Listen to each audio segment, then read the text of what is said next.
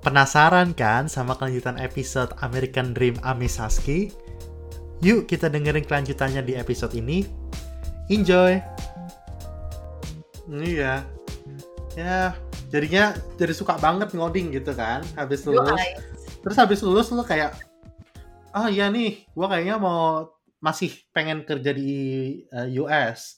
Terus emang lo mengincar apply emang posisi posisi software engineer gitu ya? Eh, gue awalnya sempet ini sih gue sempet dilema juga gitu gue nggak tahu apa yang gue karir path gue tuh gue pengen jadi apa gue nggak tahu gue agak limbo juga jadi waktu gue uh, sebelum gue lulus S2 tuh kita kan ada kayak harus wajib internship kan kebetulan program gue uh, terus hmm. uh, gue tuh internship kebetulan di Jepang waktu itu sama hmm. anak ITB juga ada uh, hmm. nah dia tuh dia anaknya pinter banget kan yang temen gue anak internship ini terus gue jadi kayak ngerasa ih gila gue nggak ada apa-apanya coy gitu kayak gue tuh bagaikan debu gitu kayak ya sama yeah. gitu. gue nggak ada juga kayak bisa aja gitu nih project jalan tuh tanpa gue tuh tetap bisa ada gitu jadi gue ngerasa kayak ya gue kayaknya mungkin bukan jalan gue kali ya gitu dan jadi gue hmm. waktu sebelum gue lulus tuh gue daftar tuh coba-coba macem-macem gitu jadi gue nyoba yang kayak analis gitu atau enggak hmm. yang kayak apa tipe-tipe konsultan gitu kan. Hmm. Cuman ya emang nggak bohong sih gitu. Pas pas uh, interview itu tuh gue ngerasa kayak, ih kok gue tak tak ngerasa lebih bego ya gitu. Hmm. Uh, dan gue akhirnya karena waktu itu gue kayaknya nyoba dua interview deh jadi analis apa jadi konsultan gitu. Terus gue ngerasa kayaknya kok gue ngerasa nggak cocok ya gitu sama uh, jenis interviewnya gitu. Gue ngerasa nggak serak nih gitu. Akhirnya gue nyoba uh, interview yang agak ngoding gitu Mm-hmm. Meskipun gagal, tapi gue ngerasa, oh gue ngerasa kayaknya gue lebih cocok di sini ya gitu, gitu. Gue ngerasa kayak mm. lebih lebih bisa manuver gitu, gue bisa navigate, navigate lah gitu istilahnya. Terus ya udah, terus setelah itu gue bilang sama diri gue sendiri, ya udahlah, gue nggak usah jadi analis atau consultant gitu. Gue mau ngadalin siapa sih gitu. Akhirnya setelah itu gue langsung konstan itu gue nyari, gue apply kerjaan yang software engineer gitu. Apply ke berapa perusahaan sas sebelum lo dapet? Uh, gue kayaknya nggak nggak nggak nggak banyak banget sih kalau di luar dari yang analis ya. Kalau yang analis gue yeah. nggak inget sih. Cuman kalau yang ini tuh mungkin dua apa tiga kali ya gitu sampai akhirnya Oh, okay. uh, electronic arts gitu. Dan emang kalau software engineer uh, by default kalau di perusahaan-perusahaan kayak gitu lo harus kayak ada whiteboard uh, coding gitu ya? Iya, ke kebanyakan sih gitu. Jadi hmm. biasanya tahap interviewnya uh, phone interview dulu ya kayak hmm.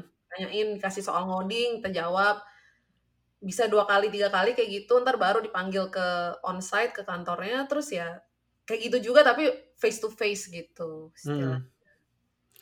iya gue juga kalau gue sebenarnya kayak agak intimidated sih kalau misalnya untuk harus uh, live coding gitu Iya, iya. Gitu, gue orangnya nggak hafal sintaks gitu loh. Gue ya sekarang gue ngoding hampir tiap hari gitu. Tiap hari sih, tiap hari ngoding sesuatu lah gitu. Tapi uh, kadang-kadang kalau misalnya lo ngoding sesuatu, lo udah kayak fokus sama satu spesifik hal, yang hal yang udah lo coding misalnya tiga bulan lalu, lo udah lupa gitu kan uh, sintaksnya.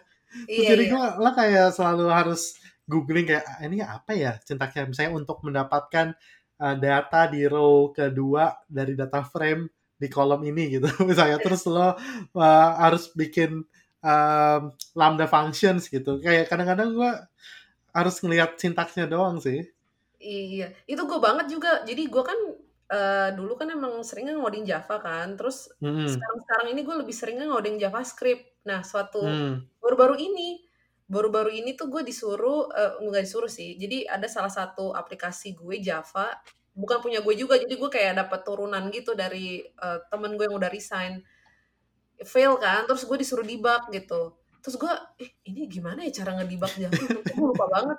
Iya. bahkan yeah. pakai IDE-nya aja gue lupa karena gue udah saking lamanya nggak terus gue ini ngerannya gimana ya? Oh my god ini parah banget lupa banget. Gue tuh harus nge harus kayak Google how to run Java program in Eclipse gitu supaya oh my God, lupa ini gue parah banget iya jadi sebenarnya nggak perlu takut banget lah ya kalau misalnya lo emang mau uh, daftar jadi software engineer. Maksudnya ya emang di luar sana banyak yang lebih pinter daripada kita gitu kan. Iya, iya. Maksudnya Terus ya mungkin apa? ini sih take take opportunity tuh buat latihan juga gitu. Jadi kalau Iya, kalau dulu gue eh, eh, apa itu kalau semakin banyak lo latihan jadi semakin bagus kan itu masalah biasa atau enggak aja gitu. mm-mm. Dulu kita waktu gue daftar-daftar kerja kan ada juga anak Indonesia lain kan. Kita tuh jadi strateginya kita daftar dulu nih ke tempat-tempat yang kita nggak kepengen banget gitu. Oh Buat gitu. latihan aja gitu. Ah, Kalau kita di say no ya nggak masalah atau kita juga nggak kepengen-pengen banget. Nah, tapi misalnya nah, kita pengennya masuk misalnya apa nih Google atau Facebook gitu. mm-mm. Itu terakhir tuh daftarnya terakhir. Nah, jadi pas kita udah dipanggil sama mereka tuh kita udah kayak yang udah siap siap lah gitu ya. udah biasa Ah, gitu. Masalah ah, keterima atau enggak juga nggak masalah sih, tapi masalah siap. iya. Kita kan menyesalnya kalau kita nggak siap terus Siap ya. wawancara terus gagal kan kayak ah sayang banget coba. Nah, Nah, ya itu bener sih. dari coba dulu gue ya gitu. Mm, Iya bener. Iya sih. Ma- Ya bener banget. Karena eh, juga banyak banget orang Indonesia yang pengen kerja di US kan. Iya iya. pengen tahu kayak gimana sih nih kerja di US susah nggak sih apply segala macam ya well kayak tergantung juga sih sama jurusannya kan. Tapi mostly teman-teman gue yang di US ya end up dapat kerjaan sih eh, di US Iya iya. tapi gue nggak tahu ya secara covid gini eh, mungkin job marketnya juga menurun ya. Cuma kalau dari rasa zaman dulu sih Uh, sih. gue rasa kalau yang bidang-bidang IT mereka ini sih karena mereka butuh kan karena di sini nggak banyak orang lokal yang uh, skilled lah gitu dalam computer science atau IT tuh nggak banyak di sini lulusannya gitu. Jadi kalau dalam ranah-ranah yang specialized gini gue rasa sih masih banyak ya opportunity-nya gitu. Tapi kalau hmm daerah-daerah yang kayak bisnis gitu atau yang ya itu tadi misalnya kayak analis, konsultan ya mungkin agak eh, di sini banyak yang local yang bisa bersaing sama lo gitu. Jadi ya iya udah gitu ngomongnya cuap-cuap kan kan yang ambisius yang profesor saya tahu jawabannya. Oh, ini masih materi yang kayak udah dua bab setelahnya gitu kan.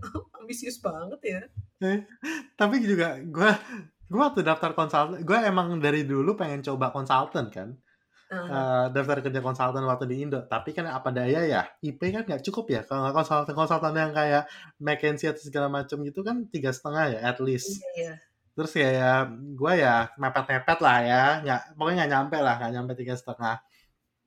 Terus ya udah akhirnya gue mengubur harapan gue untuk eh, kerja di konsultan. Gue kayak ya udahlah gitu.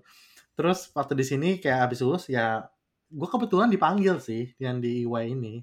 Jadi gue dapat message dari LinkedIn dari salah satu senior manager di EY terus kayak nawarin gitu lo mau nggak coba posisi ini? gitu terus ya udah why not gitu kan di data analytics.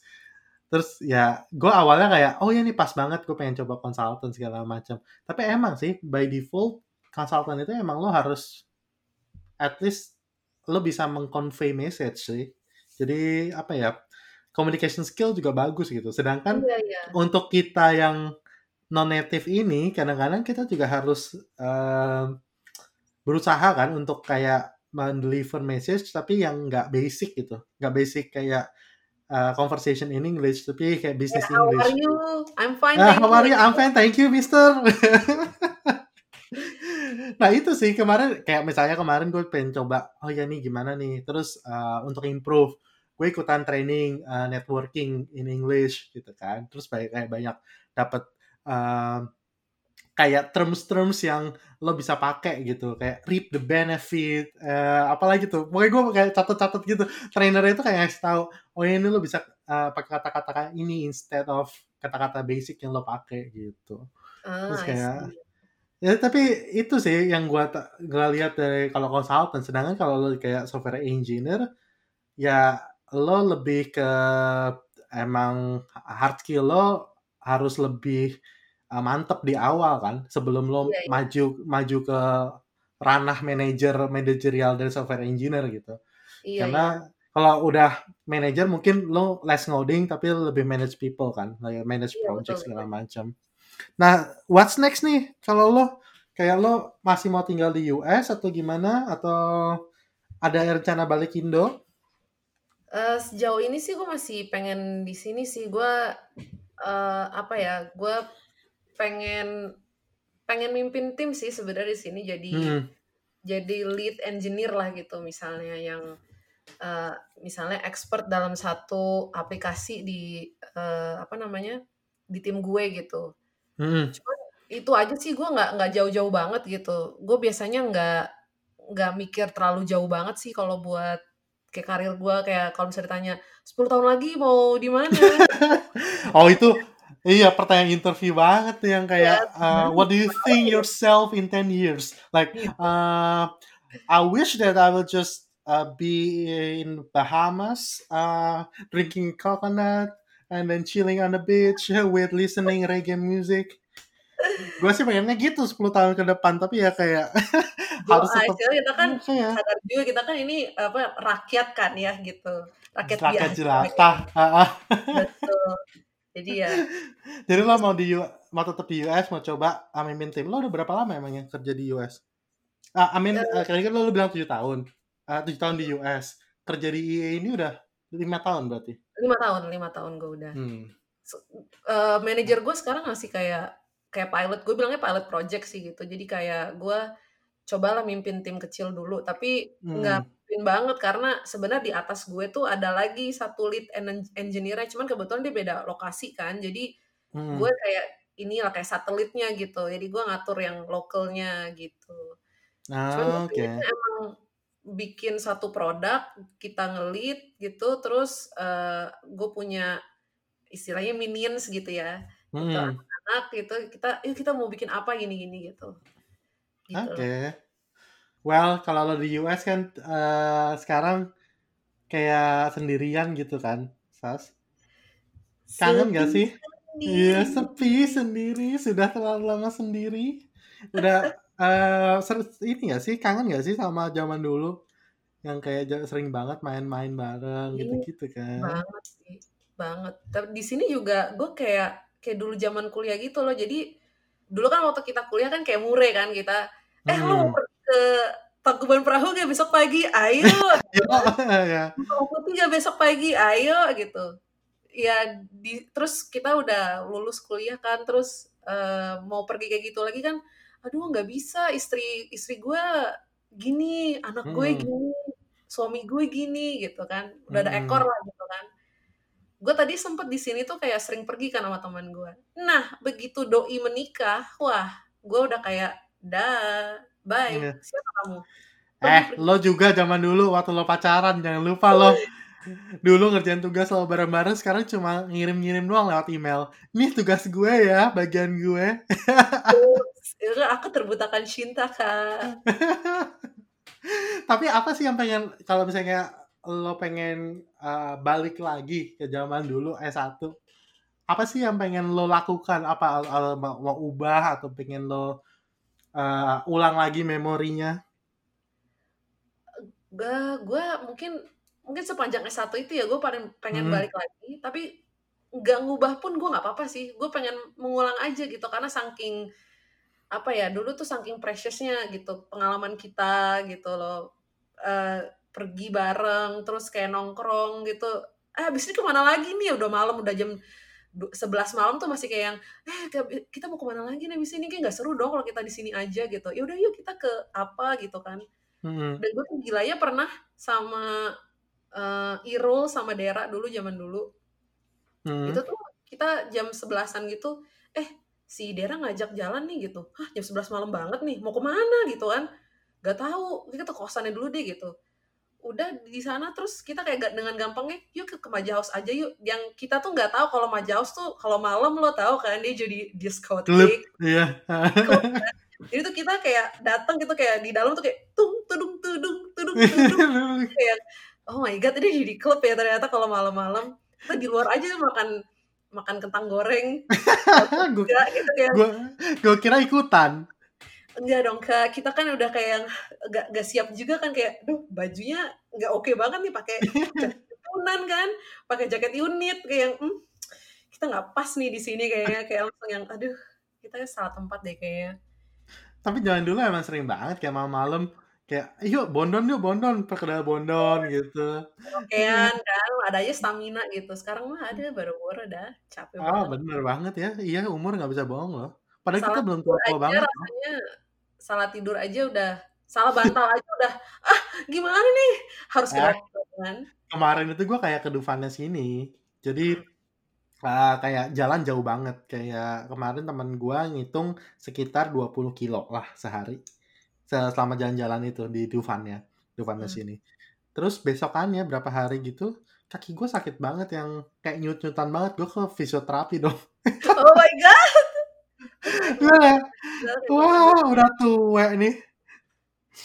Dulu kan waktu zaman kuliah kan uh, kita sakitnya kan kayak masuk angin kan kayak uh, Uh, inilah penyakit-penyakit yang simpel-simpel. Sekarang tuh kayak masuk angin iya masih terus kaki semua sakit punggung sakit kepala sakit wah salah tidur sakit.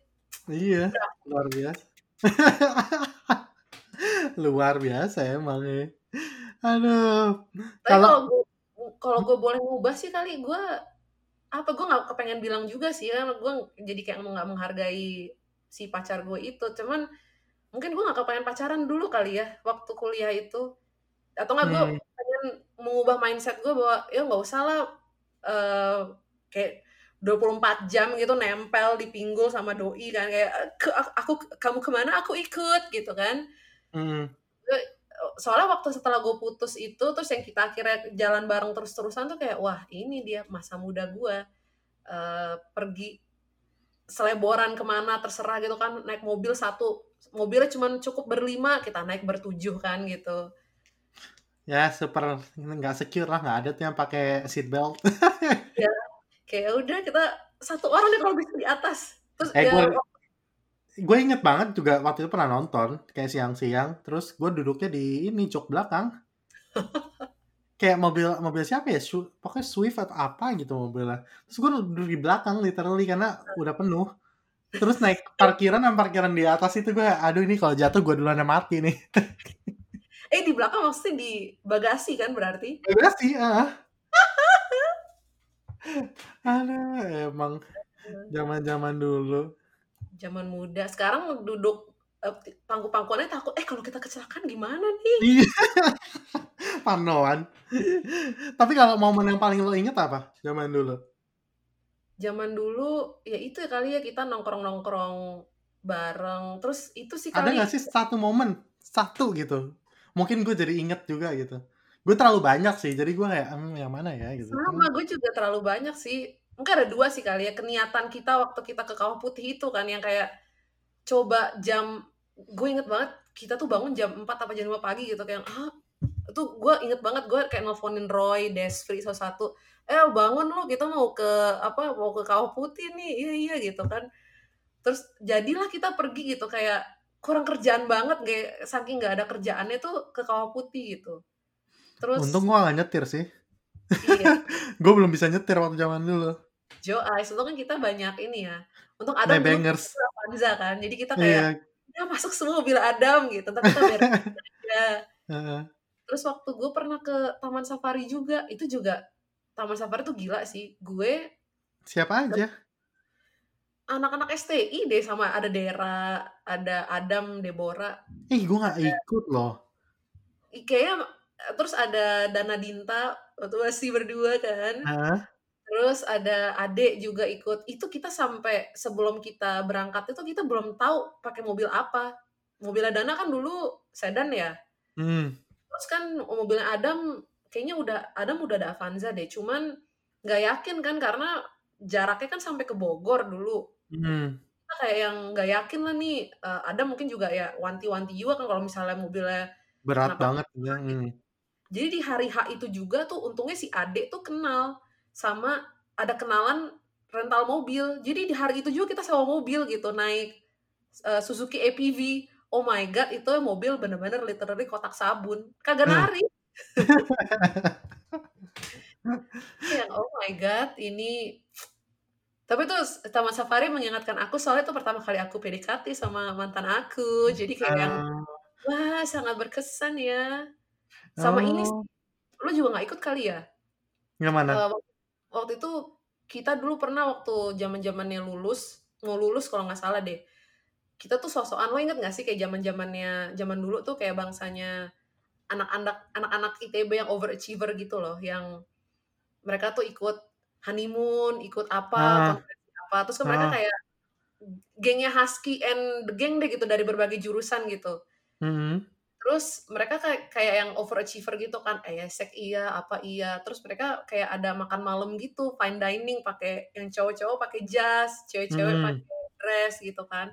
Terus gue sama Dera kayak, eh kita kayak juga bisa deh gini. Kita kurang ambisius aja, cuman kita kan ada lah ya bisa makan di tempat yang bagus gitu. Dress bisa lah pinjem-pinjem orang gitu kan. Mau Hmm. kita coba gitu fine dining. Itu kita fine dining tuh di Burgundy itu niat banget gue tuh sampai nelpon ke manajernya bilang ah, saya kita mau uh, ya pesta kelulusan lah gitu kan ngomong-ngomong aja. Hmm. terus uh, apa namanya pesan tempat di Burgundy terus kita bilang eh uh, gue bilang ke semua yang mau ikut kan lo harus pakai baju yang bagus ya gitu. Uh, uh, black tie lah gitu istilahnya.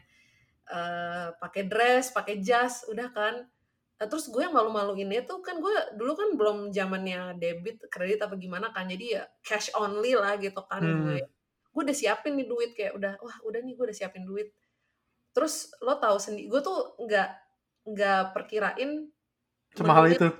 belum iya gue udah tahu harga menunya berapa karena kita kan kayak uh, pesen per pax gitu kan udah pesen Hmm. sebelumnya jadi tahu per pax tuh berapa tapi gue tuh nggak kalkulasiin minuman gue tuh nggak nggak Hmm. ngeh kalau, iya nggak ada minuman di menunya dan belum kalkulasiin pajak juga PPN Pajak 21 persen. ya terus kan dan yang paling murah ya air minum tuh di sana aqua aqua gelas yang dua puluh ribu aja. Gitu terus gue kayak oh my god mahal banget tau gini gue bawa sendiri di rumah buat termos gue terus udah mau dibayar kan? Pas gue mau bayar itu seduit duit gue itu besoknya kan gue mau ke Jakarta kan jadi gue udah wanti-wanti oh gue ngambil duit tuh udah pas buat besok gue ke bayar tiket City Trans nih gitu. Setelah Hmm. makan itu tuh duit gue ambles semua. Gue gue bilang inilah akibatnya sok tajir tapi nggak punya uang ya.